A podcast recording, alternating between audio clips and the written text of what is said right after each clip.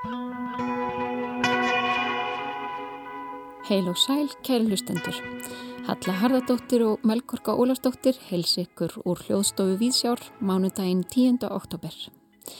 Í þætti dagsins aðgátt og örlindi, 400 ára leikskáld, einmannakonur á riff og pianisti úr fjallægð. Á þessu ári hefði eitt vinsælasta leikskáld allra tíma, Molière, orðið 400 ára. Að því tilefni verður blásið til afmælisveislu í þremur þáttum sem hefst á miðvíkudag í Veröld, húsi Vigdísar. Þar verður mikið um dýrðir, fyrirlestrar og leiklestrar en dasgráin á að höfða til allara sem hafa áhuga á leikhúsi, þýðingum og bara franskri menningu almennt. Guðrún Kristinsdóttir og Svein Einarsson hafa staði í undirbúningi og þau verða gestur okkar hér rétt og eftir. Á dögunum kom út ný íslensk þýðing á rúmlega 200 ára gammalli bók sem skriðið var á ennska tungu og fjallar um líf og ástir hefðarfólks í útsveitum Lundúna.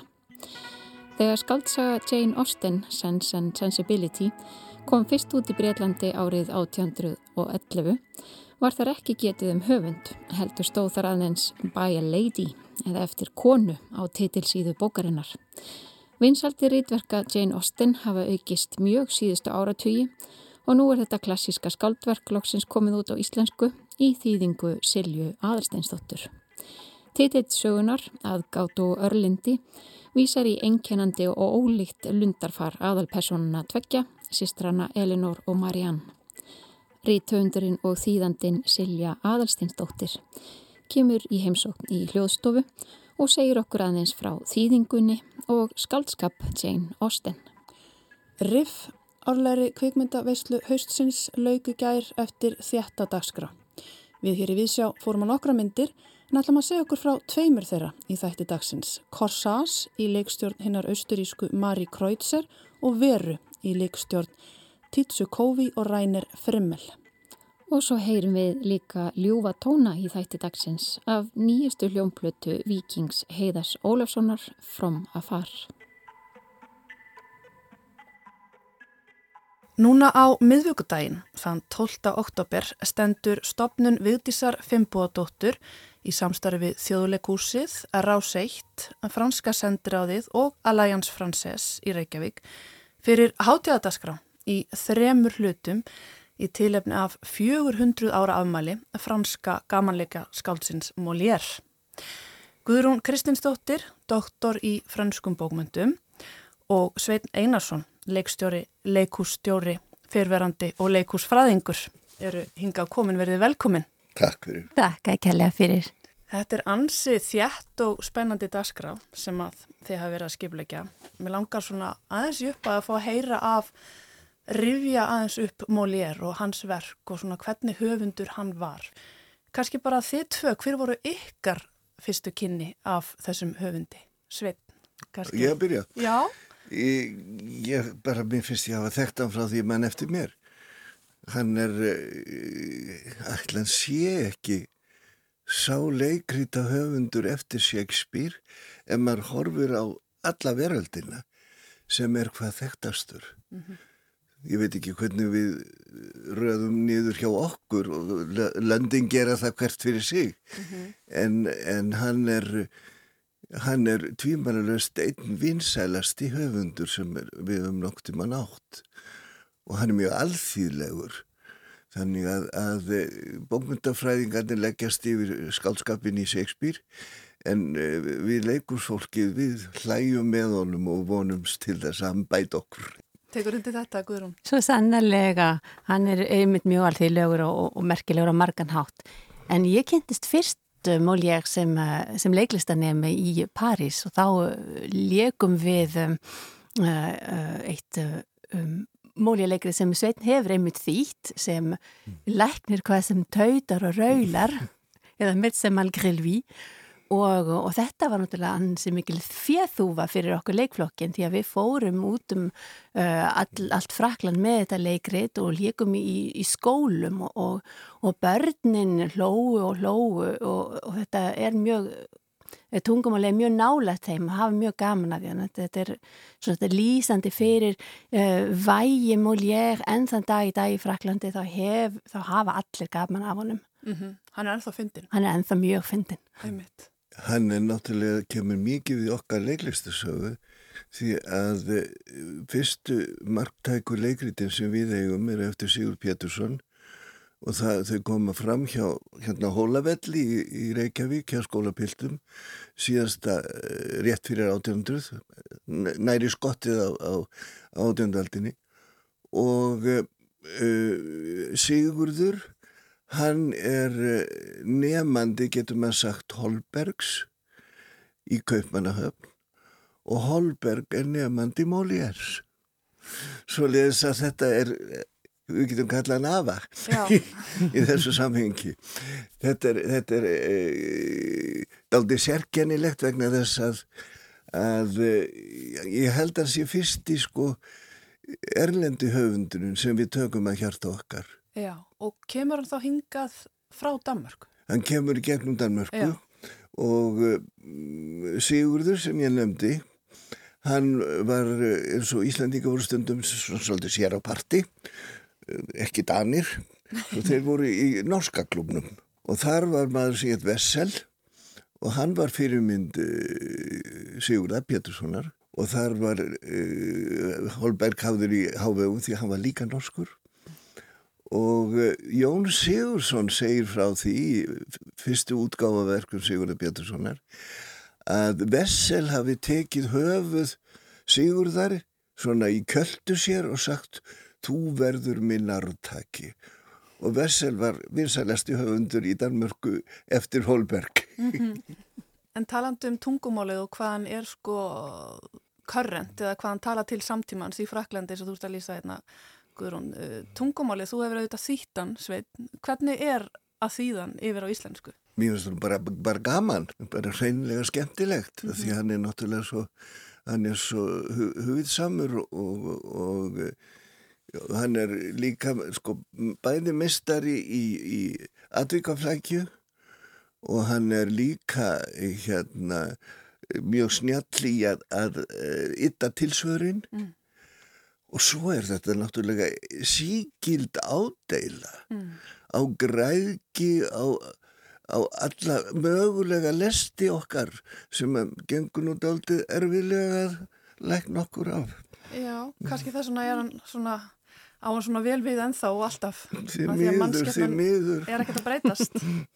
Nei, allir það. Og svo er ráttúrulega uh, hvað tungumáli var að það er einni uh, tvennskona leikrit sem að skrifa það annars vegar í prósa og þau eru mjög aðgengileg nýttin og stór skemmtileg og tungumáli sem ennþann dag í dag er mjög skiljanlegt. Mm. en svo eru stóru skapgerarleikirnir í, um, í bundnum máli og þeir eru ekki jafn aðgengilegir og mun erfiður eða vitað í um, í, í þýðingu mm. en þeir eru taka innmitt á þessum uh, stórgóðslegu löstum okkar þannig að það er mikil áskorun fyrir þýðandan að, að þýða þessi verk sérstaklega. Mm -hmm.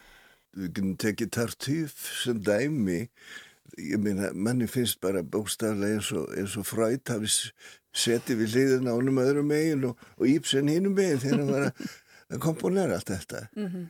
Hann er, hann er svo djúpur undir þessu skoplega yfirborði og mér dettur í hug ímyndunarveikin til dæmis. Hugsið ykkur, þetta er nú síðasta leikritið hans. Mm. Hann er að leika þetta fárveikur á sviðinu. Þetta er mikil ádeila bæði á leiknastíftina en ekki síður á ímyndunaveikina mm. sjálfa það að fólk horfist ekki, ekki, bóst, ekki bara bóstaflega læknisfræðilega séð heldur, heldur uh, sko mentant í, stærra samhengi mm. hann er fárveikur sjálfur og hefur samt þetta mm. í, sér að geta gert það ég held að hann hafa dáið eftir fjörðu síningu eða eitthvað svo leiðis eða hvernig það var hann fór veikur heim en hann hefur samt skopskinni þannig að hann lifti sér yfir þetta. Mm -hmm. stórmerkilegur maður. Stórmerkilegur. Og nýttaði mitt skopskinni til að kafa eins og þú sagði ráðansveit kafa onni djúpa hlutuna uh, eh, sagði hann ekki einhver staðar hlutverk leikúsins er að síða menn með því að skemta þeim Jú. Jú, það gerði hann og, og, og einmitt skapgerðar gamanleikinir erum, erum ganga mikið út á það en, en þetta er alveg, ímyndunaveikin er stórmerkilegt leikrið að margan hátt og, og þessi stólla sem að fekk slægið og satt aðna í ímyndunaveiki situr þar og er, er ægilega lasin uh, hann er ennþá til sínis í, í komiti fransæs í, þjóðarleikusir Prakka og hverjum degi á ammælisteginum hans 15. janúar er hann tekinn og settur á sviðið og látið standa þar í húsi Molière. Hann er svo stór hluti af fransku þjóðinu, maður kannski átt að sér ekki alveg á því, en ég menn og hann er ennþá einn vinsælastu höfundinu ennþá í dag. Algjörlega. Þjóðleikhúsið sem sagt þeirra er ja. kallað húsmóljers, það er ekkert minna en það. Nú, og franska tungan, kallið tunga Molière. Og svo framvegis, eins og mm -hmm. gengur, ég menna með, með það eru ákveðnir höfundar sem verða sko fánaberar fyrir menninguna. Mm -hmm. Sko, ef við tölum aðeins meira um hann, hann var auðvitað byrjað sem leikari með rætur í Comedia dell'arte, ekki satt, og, og verður svo, og þann lifur auðvitað ótrúlega tíma, verður hérna hálgert hirskáld sólkonungsins uh, og var samt, þú veist, hann var í náðinni, en samt var hann mikið bannaður. Hvernig, hvernig karakter var hann? Já, það er, er hefur, hann hefur auðvitað verið snillingur. Því að uh, leikverk hans er auðvitað þrískipt. Eins og þú segir þá hefur hann uh, rætur í komedja til arte og farsanum og það er stór hluti af hans uh, verki. En svo ymmit vegna sólakonungsins þá fann hann upp á nýrurinni bókmyndagreininnan leikbókmyndana sem eru gamaleikir bandstrykk ballettar mm. og það er vegna þess að Lóðvík 14. var uh, mjög góður ballettanastari þegar hann var ungu maður og alla sína tíð hafði hann mikið áhuga á ballettum og, og tónlist mm. og þetta var gert með uh, tónskaldunu Jean-Baptiste Lully sem var uh, frá Ítali og hann er snillingur og, og þetta, þetta gerði þessi stóru verk mm. um, gamalegi ballettar og ímyndunarveikin er reyndar þannig verk sem og um, rekk Nei, ekki lúmun heldur uppskapningurinn Le Bourgeois Gentilhomme það sem er meittir þessi stórkoslega tónlistans Lully. Og svo er það þriði, þá er það skapger gammaleikarnir, hann var náttúrulega mm -hmm. um, mjög elskaður og vildi bæta mannlífið, þannig að sama tíma er erum svo förðulegt að hann Hann uh, var fyrir svo mikill gaggrinni og, og leikverkina voru stundum bönnuð og það sættu mikill gaggrinni og það, og það kemur til að því að hann setti fingurinn innmitt á það, þá, þá lesti sem voru um, mikið í Fraklandi til dæmis Presni og annað slíkt mm. vegna og... þess að það er ráttúrulega í rauninni sem stóra samhengið um, afleðing af trúabræðastríðunum mm -hmm. og uh, þá, þá hefðu mótmælundu verið leift að yfka trú sína í lók 16. aldar en alla 17. alduna voru, voru, voru ofsóknir um, yfkaðar þrátt fyrir allt mm og uh, svona uh, hvað segir maður, counter-reformation það er sérst, þessi um, stráng katholska trú sem var mjög á móti mótmælendum, mm -hmm. varð meira og meira um, sínileg í þjóðfélaginu og, og varð þá að leiðbeina fólki með trúna þannig að þetta var mjög stort afl í, um, í samfélaginu mm -hmm. og, og varð þannig í lokin fyrir að Lóðvík Jórsand var stráng katholsk okkur að hann bannaði að lokum um, mótmælenda trú þannig að þeir þurftu að flýja land í lók 17. aldar mm -hmm. uh, 200-300.000 manns þannig að þessi, þessi, þessi uh, þetta var mjög uh, stránt eða mjög, mjög mikið í um, þjóðfélaginu. Miklur umbreytingatímar. Miklur umbreytingatímar og eins og Arjen Nuskin sem er uh, mjög merkilegur franskur, fransk, fransk leikstýra hefur sagt bara nýlega, það er að um, leikriti Tartuffe er það leikrit Molière sem er mest uh, sem tala mest til okkar samtíma vegna þess og 20. aldar, 21. aldar þannig að í því er uh, sagt og sínt hvernig hægt er að nýta sér trúna sem valdatæki. Akkurat. Mm -hmm. Svo er annað sem tengir okkur líka við nútíman og það er tungumálið vegna þess að hann, hann skrifar yfirleitt á mjög, ég minna ef þú ert að, að týða eh, Shakespeare þá þarfstu eiginlega að, að leggjast í margra ára ennskunám en, en hann talar beint til þín mm. og það meira að segja ef maður fyrir að uh, rekja sko hvar eru tengslinn við nútíman þá er það í því yngsta eins og í absurdistunum mm. þá kemur kannski uh, þulur sem að e, farið hratt með mm -hmm. og allt í nökkvæmt var maður að, að hérna, meiningin fælst ekki orðunum heldur í, í, í tempobreitingum eða, eða hvernig það er hvar, hvar stoppað er í mýðum klíðum þar sem allt í nú kemur áherslu á það sem við verðum að segja Þetta er mjög fallega sagt vegna þess að einmitt tungumálið er svo uh, bein, beinskeitt og uh, Múlið gerði það uh, svo mikið leikusmaður mm -hmm. að hann braud upp ramman og stundum þá talar bara allt í einu uh, manneskjan við áhörfendur mm -hmm. eins og um, auðrasálinn sem allt í einu horfir út í sál og segir hvaða mannsatnuður er þetta? Þetta er ótrúlega hlægilegt. Í sögunni er Mólíjar svo uh, nálegt okkur uh, á Norðurlöndum mm. þegar franski leikópar koma á 17. öld við, voru við sænsku hyrðina og dönsku hyrðina þá var mikið leikið Mólíjar og strax svo þessar hyrðir og konunganir ákvaði að finn, stopna sín eigin leikús mm. á þjóðtungunum þá var móljar þýttur þetta er mikið, mjög fallegum dönskum og sænskum þýðingum í að móljar í hérna í germunskum Aleksandrínum mm. og, og þarna komið þeir til þannig að þeir, þannig að Móljar hefur verið alltaf líka í gegnum herranótt á Íslandi og, og ummyndunarveikin var leikin í öllum uh, bæjum út á landi af áhuga mannileikusum um, bara um, langt fram á 20. öld og þannig að það er bara aðeins að minna á hann hann mm -hmm. er mjög nálagt okkur mm -hmm. og fyrstu leikarandir okkar þeir kursu að halda upp á þá er til síðan að halda upp á leikamöðli þá völduður Molière. Já, hann er búin að fylgja okkur bara frá því að leikúsi byrjaði hér á landi. Hérna, já. Já.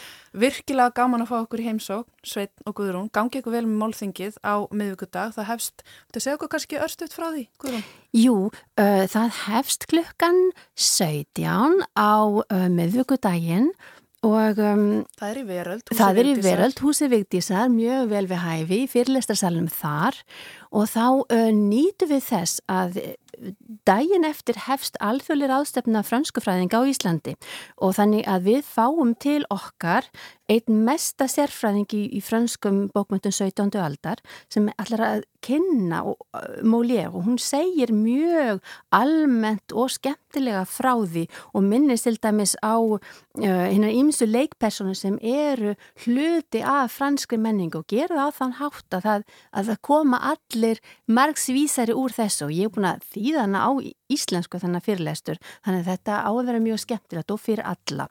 Og svo og það sem er, svo komum við svona hinnur með svona ímis atriði hvað verðar mólíðar á Íslandi mm -hmm. en fyrst og fremst er gaman að segja frá því að fjóri stórgóðslega leikarar úr þjóðleikúsinu uh, mun vera með um, leiklestra úr þýðingum sveins af um, af, af, af leikrutum en einni þýðingu uh, Karls Guðmundssonar heitins leikara mm -hmm. og svo úr þýðingu Hallgríms Helgasonar og þá verður það á milli fyrirlestrana þessar þessi leiklestrar mm -hmm. þannig að um, það er svona minna ámúli að hvernig hann er og hvernig hann getur verið og, og hvað hann er stórkoslega skemmtilegur Þetta er allavega mjög fjölbreytt og stórkoslega skemmtilegt að skræða okkur. Takk fyrir að koma og gangi ykkur vel. Takk kærlega fyrir að taka mót okkur. Takk fyrir. Halla rætti hér við þau Guðrúnu Kristinsdóttur og Svein Einarsson um Molière en málþinkonum til heiðus verður haldið í Veröld, húsi Vigdísar, miðgudaginn 12. oktober klukkan 5.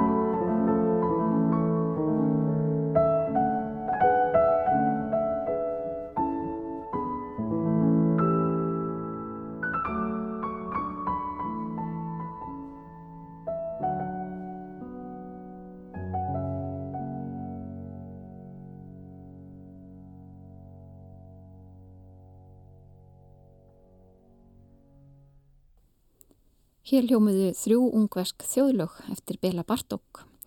Tónlistarunendur fögnuðu margir ákaft á förstægin síðasta þegar nýjasta afsprengi pianistans okkar ástsæla, Vikings Heiðas Ólafssonar, leitt dagsins ljós. Platan sem ber titilinn From Afar er að sögn útgefandans Deutsche Grammophon personlegasta breyðskífa Vikings til þessa en á henni er fagur að smáverka frá ólíkum tímabilum tónlistasögunar sem eiga það sammeilegt að tengjast flytjandanum á einhvern sérstakann og persónlegan hátt. Annað sem enginnir útgáðuna er að í raun er um tvöfaldaplötu að ræða. Vikingur heiðar leikur sömu verkin í sömu röð á tvö ólík hljóðfæri, á koncertflíil í hæsta gæðaflokki og á hefbundið heimilispíjánu. Hljómurinn er mjög ólíkur eftir því ákvort hljóðfærið pianistin leikur og útgáfan lítur að teljast mjög óvinnileg fyrir þetta. Á plötunni Fram að far má finna verk eftir Bach, Brahms, Kurtak, Bartók, Schumann og Mozart á samt Tómasi Ades, Sigvalda Kaldalóns og Snorra Sigfúsi Birgisinni. Á plötunni er innilegur þráður og eins og til að ítrekka innileikan leikur eiginkona vikings Halla Otni Magnúsdóttir með vikingi í tveimur verkana. Annað þeirra er kapli úr tónsmið sem ungverska tónskáldið Georgi Kurtak skrifaði og legjarnan fjórhend með eiginkonu sinni Mörtu Kurtak. Hlýðum á kapla úr tónverki Kurtak Jatekokk eða Leikir í flutningi Vikingsheiðars og Höllu Odnjar.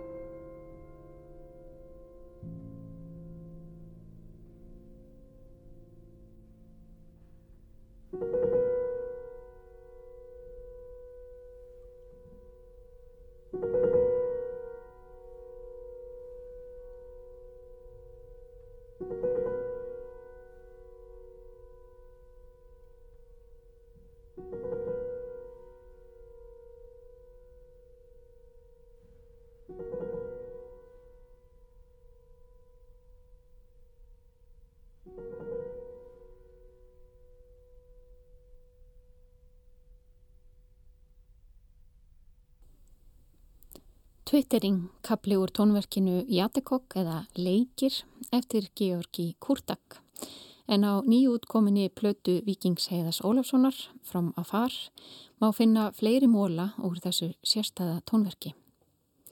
Vikingur Heiðar verður gestur vísjár í næstu viku í næstu viðkomu sinni á hinnu ástkjara Eilíra. En þá förum við yfir í heim kvikmyndana. Halla tekur nú við. Bóðbera haust sinns í höfuborginni, kvikmyndahátti Reykjavíkur, lögu gær eftir viðburðaríka daga. Sjálf sá ég nokkrar myndir, misgóðar auðvitað, en varð ekki fyrir vonbryðu með eina einustu. Því líka veistla að njóta góðsa velvöldu efni úr óvæntum áttum. Þegar kona á barnd sem getur ekki passa sér sjálft er erfitt að vera skipulögð og útkrassa dasgrarbæklingin. Eina ráðið er að hoppa af stað þegar færi gefst. Ég náði síðasta slíka hoppinu um helgina og horfði á tvær leiknar myndir í röð, báðar frá Östuríki, Veru sem að gerist í Róm nútímans og Korsas sem gerist í Vín undir lok keisaraveldisins. Tvær gjör ólíkar myndir hvað var þar alla framsetningu en það kom skemmtilega óvart hvað þær töluðu vel saman, allavega í kollinum á mér. Báðar fjalla þær um einmanna konur sem komast ekki undan þeim örlögum sem umhverfið hefur skapað þeim. Vera fjallar um ítalska konu, Veru Gemma, sem leikur sjálfa sig í myndinni. Kvikmyndin dansar því á áhugaverðri línu, notar raunveruleikan en flettar honum inn í leikin skaldskap. Vera er þekkt á Ítalju, hefur leikið í nokkurum kvikmyndum og raunveruleika þáttum en er först í því hlutverki að vera dóttir föðu síns. Fadur hennar var dáður leikari, þekktastur fyrir hlutverki í spagetti vestrum en einnig fyrir fagurt andlit og velstæltan líkama. Vera rávar um götur rómar og reynir að fylla upp í einmannuleikan og tilgangsleysið með dýrum merkjafurum og sífælt starri brjóstum. Strax í fyrstu senu myndarinnar gengur Vera ein úr gleðskap þar sem hún dansar eins og hlutur í sviðsmynd frekar en kona sem skemmti sér. Hún gengur hann á bar og leitar upp í samræður við ókunna stúlku. Hún talar um fegurðina og hvern hún hafi alist upp við brenglaðar hugmyndur um fegurð. Horfir á saklaust andlit stúlkunar og við sjáum tómleika og sorg í stífmáluðum augunum á strektu andlitinu. Kvítar harlengingarnar liggja á svarta leðursamfestingnum og við vitum að þessi kona hefur lifað tíman að tvenna.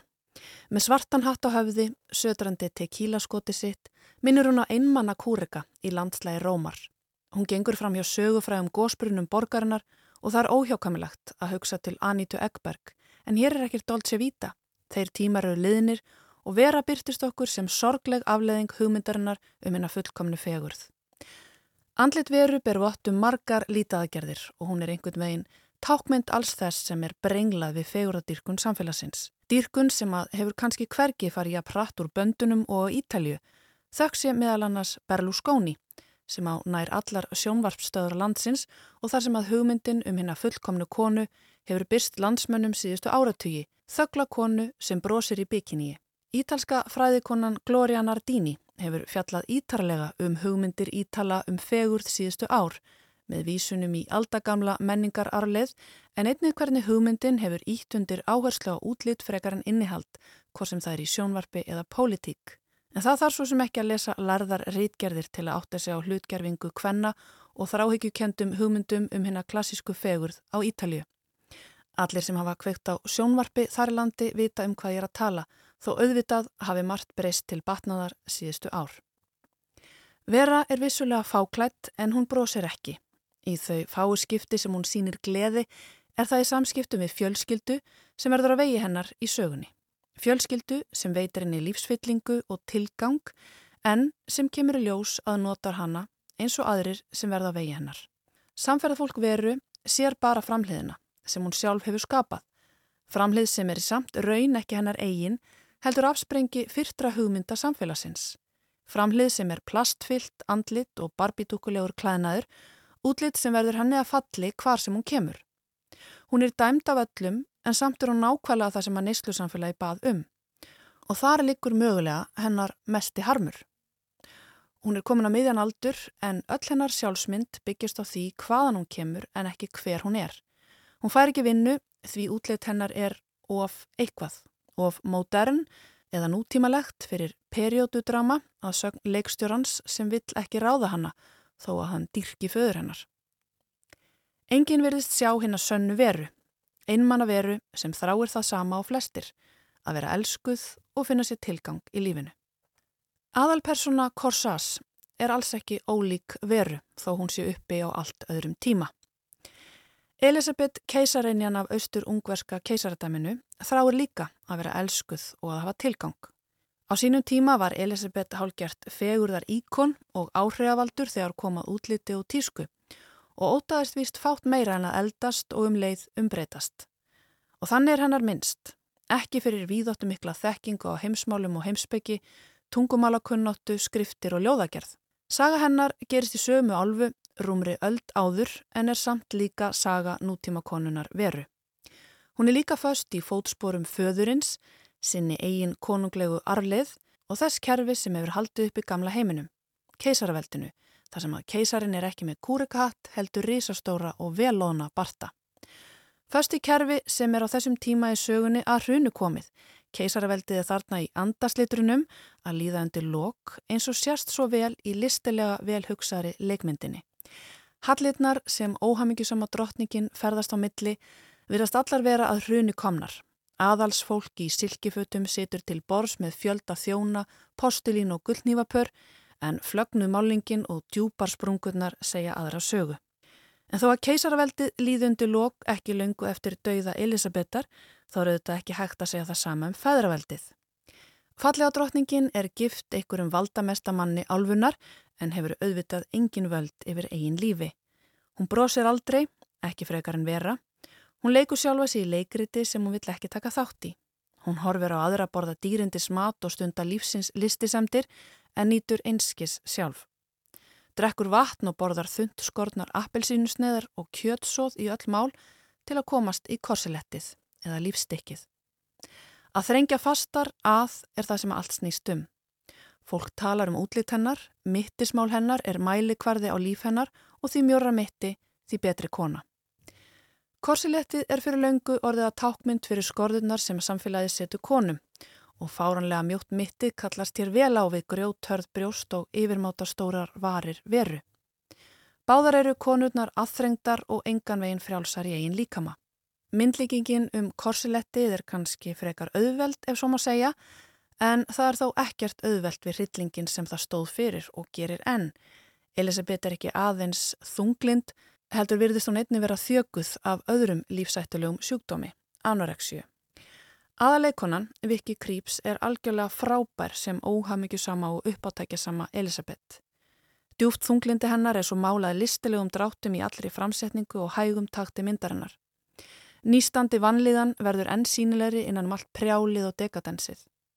Og eftir að hafa nýlókið við að fylgja veru eftir, var þessi sorg á einhvern nátt almenn og tákgræn fyrir allar konur sem hafa tapa lífi sínu fyrir reglum sem verðast svo fyrtar en sem eru auðvitað enn sprellifandi um víða veröld.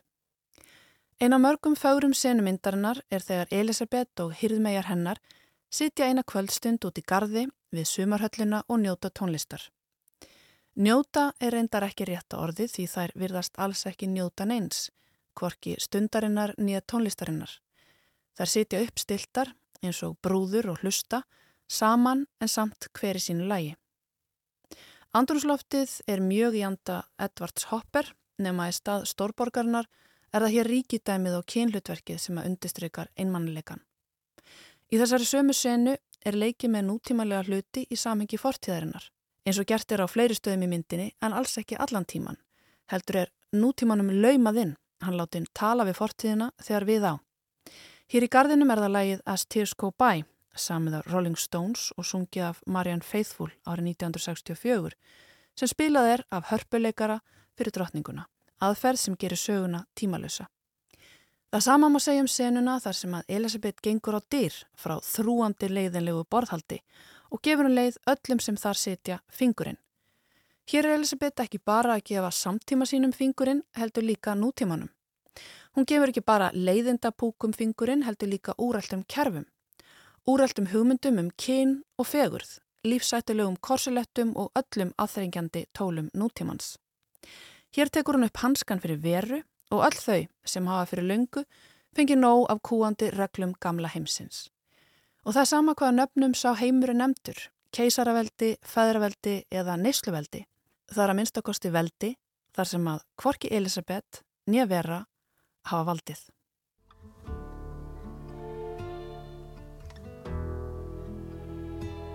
She was home, she was a swan when she was out She was a tiger and the tiger in the wild is not tied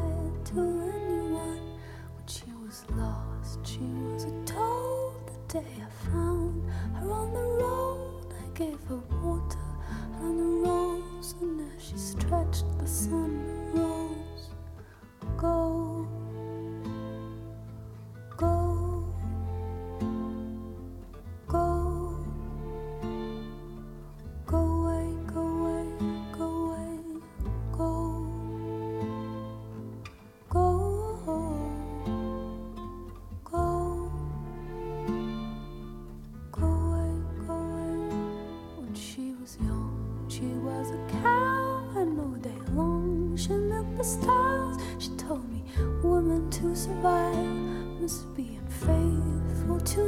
go for the wonders of the world. She was a lady with a bow. She must have had so many lives. Was it the first? Was it the last? Go. Franska tónlistakonan Camille með lagur kvikmyndinni Corsage. Halla saði hér frá tveimur kvikmyndum sem vöktu áhuga hennar á Riff, Corsage í leikstjórn hinnar austrísku Marie Krautzer og Veru í leikstjórn Tissu Kofi og Rainer Frimmel. En þá að glænir í þýðingu á yfir 200 ára gamlu verki sem vil svo til að fjallar líka um valdalusar konur. Silja Aðalsteinsdóttir, fræðumæður, höfundur, reitstjóri og þýðandi, aðgátt og örlindi. Þetta er bók sem við þekkjum helst undir Sense and Sensibility eftir Jane Austen, skrifuð 1811. Já, hún hefur verið kolluð oft vonir og væntingar á íslensku. Ég reyndi að skýra hana vit og viðkvæmni þegar ég þurfti að, að finna heiti á hana fyrst vegna þess að það er svo brínt að nafnið gefið til kynna personu einkenni aðalpersonuna. Þetta var, þetta var uh, rórill hennar Jane Austen að láta titil bókar sinna segja eitthvað til um efnið eins og hróki og leipidómar. Herra Darcy er hrókafullur, Elisabeth Bennet er full af fordómum og eins er það með sýsturnar Marianne og Elinor í Sense and Sensibility að Elinor er aðgætin mm -hmm. og skinsum en Marianne er örlind og viðkvæm og, og, og hátt uppi og ægilega æst og Já. tilfinningarík. Þetta er frábært titil og mjög lýsandi fyrir þær tvær. Þakkaði fyrir, hann er ekki beinlýnis eins sko muntamur og vonir og vendingar en hann er allavega mun réttari. Já. En hvernig hugsaður mikið um hrinnjanda og hljómfall þegar þú ert að þýða? Já, ég gerir það og, og ég les alltaf þýðingarna mínar upphátt. Jafnvel tviðsveri gegn, fyrir bara fyrir sjálfa mig og svo fyrir þann sem að fylgis með og frumteksta og, og hjálpar mér að, að finna e, skavanga á mm. þýðingunni og þá heyrir maður ef hrinnjandin fer út á sporinu. Auðvitað ef frumtekstin á að vera, ef, frum, ef frumtekstin er mjög hastur, þá má maður auðvitað ekki skemma það. En alla jafna þá vilja höfundar og þýðendur að tekstin þeirra renni vel. Og þá er mjög gott að lesa hann upp átt. Þetta þýðingaferli, þegar ég las eftirmólinn þá skein í gegna, þetta er svolítið svona fjölskyldusport hjá þér. Já, Gunnar er náttúrulega maðurinn minn. Hann hlustaði á allar þýðingarna mínar og fyldist með á fremteksta og, og forðaði mér frá mörgum gildrum og mörgum vondum hólum. Og núna, sem sagt, eftir að hann dó, þá hafa eh, dótti mín og tengdasónur tekið við. Og þannig að þið lesið svona saman? Já, ég les upp átt. Uh, Jóningvi hlustaði á meðan á, og, og fyldist með á fremtekstanum og dóttirinn og dótturdóttirinn sátu hjá og hlustuðu á og tóku þátt í umræðum og hafðu skoðanir ef að, okkur Jóning var greindi á. Mm -hmm. Þetta var mjög frjótt og skemmtilegt samstarf en tók náttúrulega langan tíma. Þetta voru mjög góð kvöld. Já, þetta hljómar eins og svona gæða stundir. Já.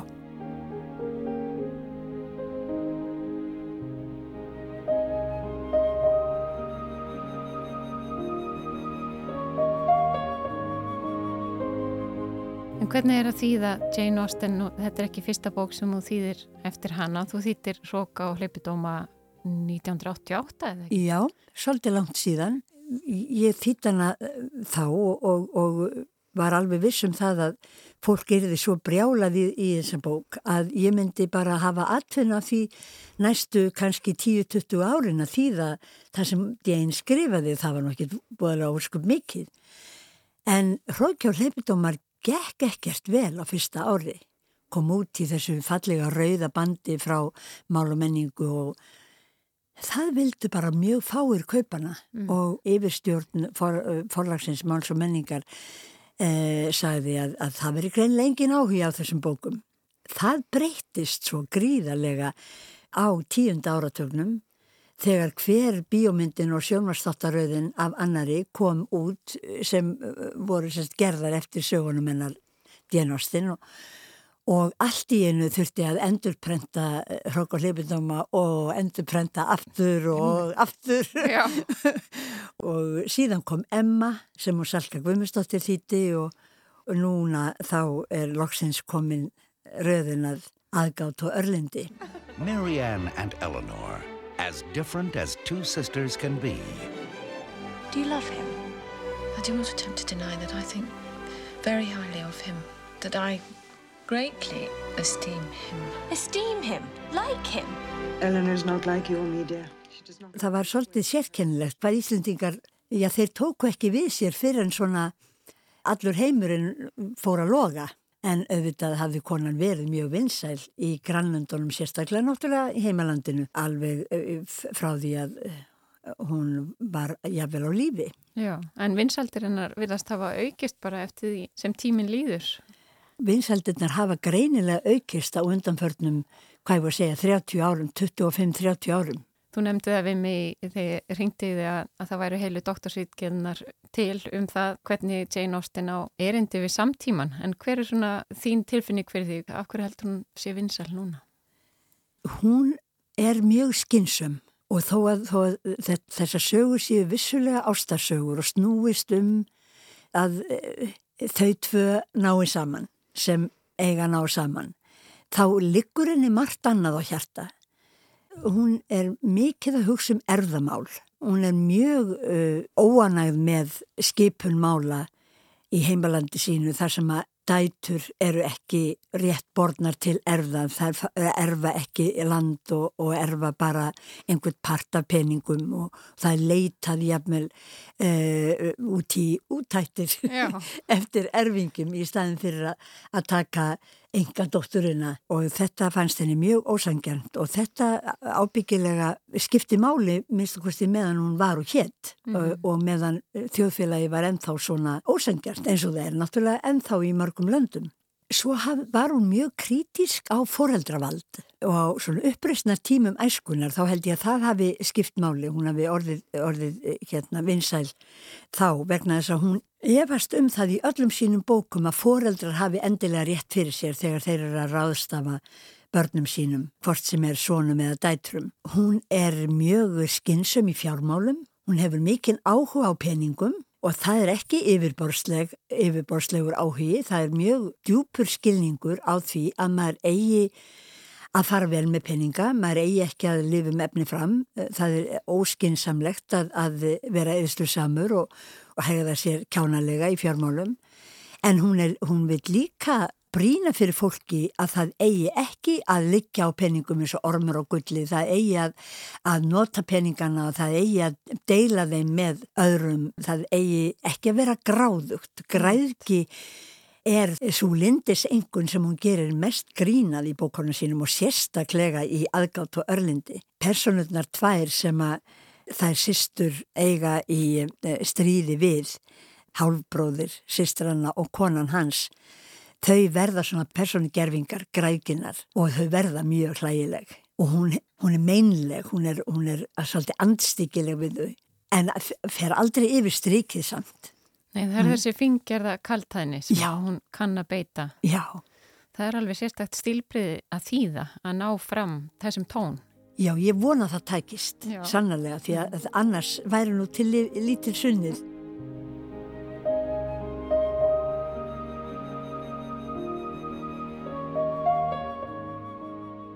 Ég er náttúrulega nauða þekkið innan texta og, og það sem að maður reynir er bara komunum yfir þannig að hann hafi sömu áhrif og frumtekstin.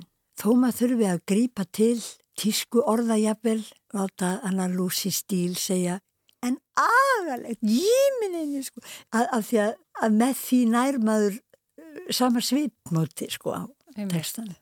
Þannig að þetta er alltaf einhver svona, einhver jafnvægislist. Já en það sko annars úrældast þýðingar of fljótt ef, ef maður er of, of passasamur með málfarið.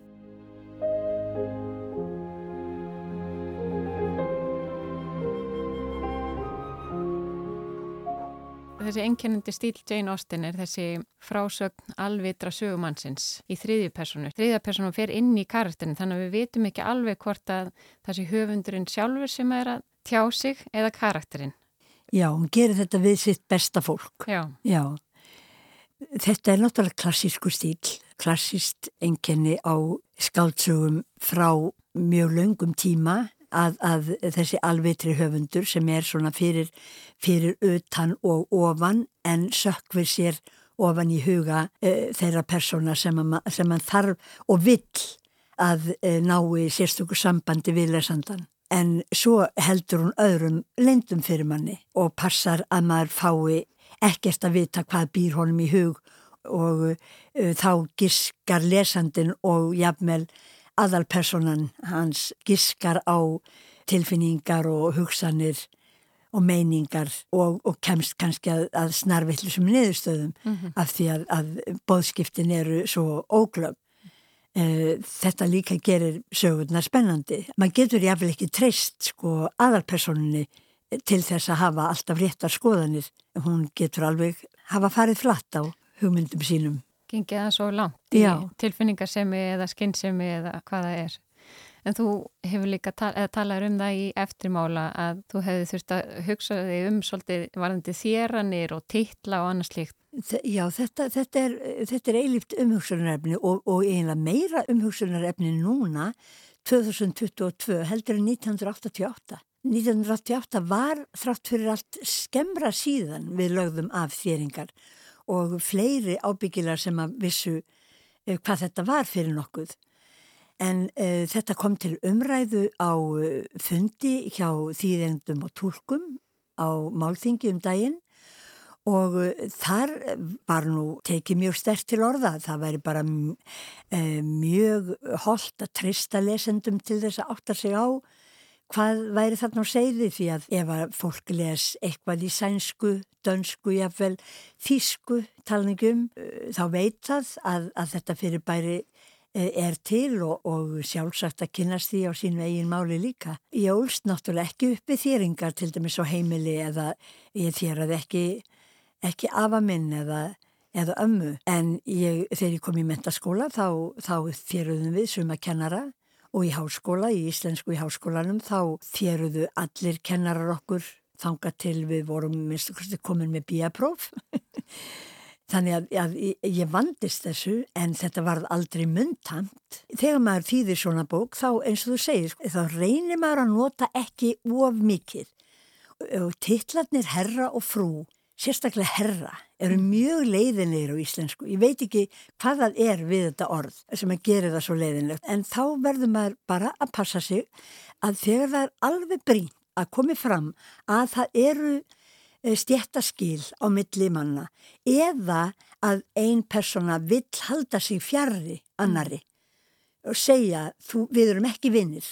Fyrir mér er þú herra Willoughby. Mm -hmm. Þú ert ekki bara Willoughby. Og það er nefnilega svolítið, ég held að það komi fram sko í þessari bók að sýsturnar tvær, þær eru hættar að fjera uh, Willoughby meðan hann er heimilisvinnur og kærasti Marianne. Mm -hmm. Svo þegar þau hittast aftur, Elinor og hann, að þá, þá sínur hann honum fullkomin kulda og það eh, tólkar Jane og þýðandi hennar með fjeringum og tillum. Alda Björk Valdimarsdóttir, hún gaf út Íslandst fræðiritt um Jane Austen Já. og verk hennar Já. og þar er hún að, að tala um að, að svona, vísa í skvísubækur og sjálfsjálfabækur og svona, tengja þetta við samtíman.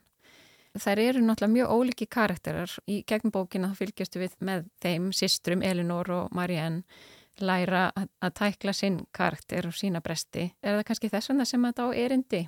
Hvenna sem er, þetta er svona mannlegt? Já, ég hugsa að það sé alveg rétt hjá þér.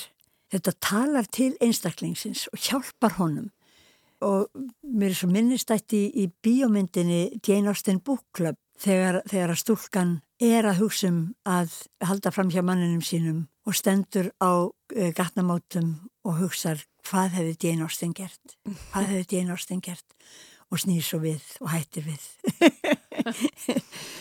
Eh, Jane er, eins og ég sagði áðan, sko, Jane er svo skinsum og hún er svo hlý og hún er svo, henni þykir svo vænt um fólk og það er alveg óhætt að taka hana sér til fyrirmyndar og hlýta hennar ráðum. Bæði í ástum og svona þessi verallega samfélagi. Já, hvernig maður kemur fram við fólk. Mm -hmm. Passa sig að, að vera örlátur, ekki þó of örlátur. Allt á að vera innan skinsimismarka. Græðgin og örlætið og sparseminn og eðsluseminn jafnvel ástinn á að vera skynsum, ekki henda þér út í einhverja vittlisu. Og það er kannski líka það sem á erindi við okkur alla tíða, þessi meðutundum að samskipti og, og síðvenjur, það móta örlögu okkar og lífsætti. Ég gæti ekki sagt þetta betur. My behavior at Norland was very wrong. But I convinced myself that you felt any friendship for me. and that it was my heart alone that I was risking. I've come here with no expectations. Only to profess now that I am at liberty to do so. That my heart is and always will be yours. Og á þessum romantísku nótum í bóði hjartaknúsarans Hugh Grant ljúku við þætti dagsins. Takk fyrir samfélgina og verið sæl.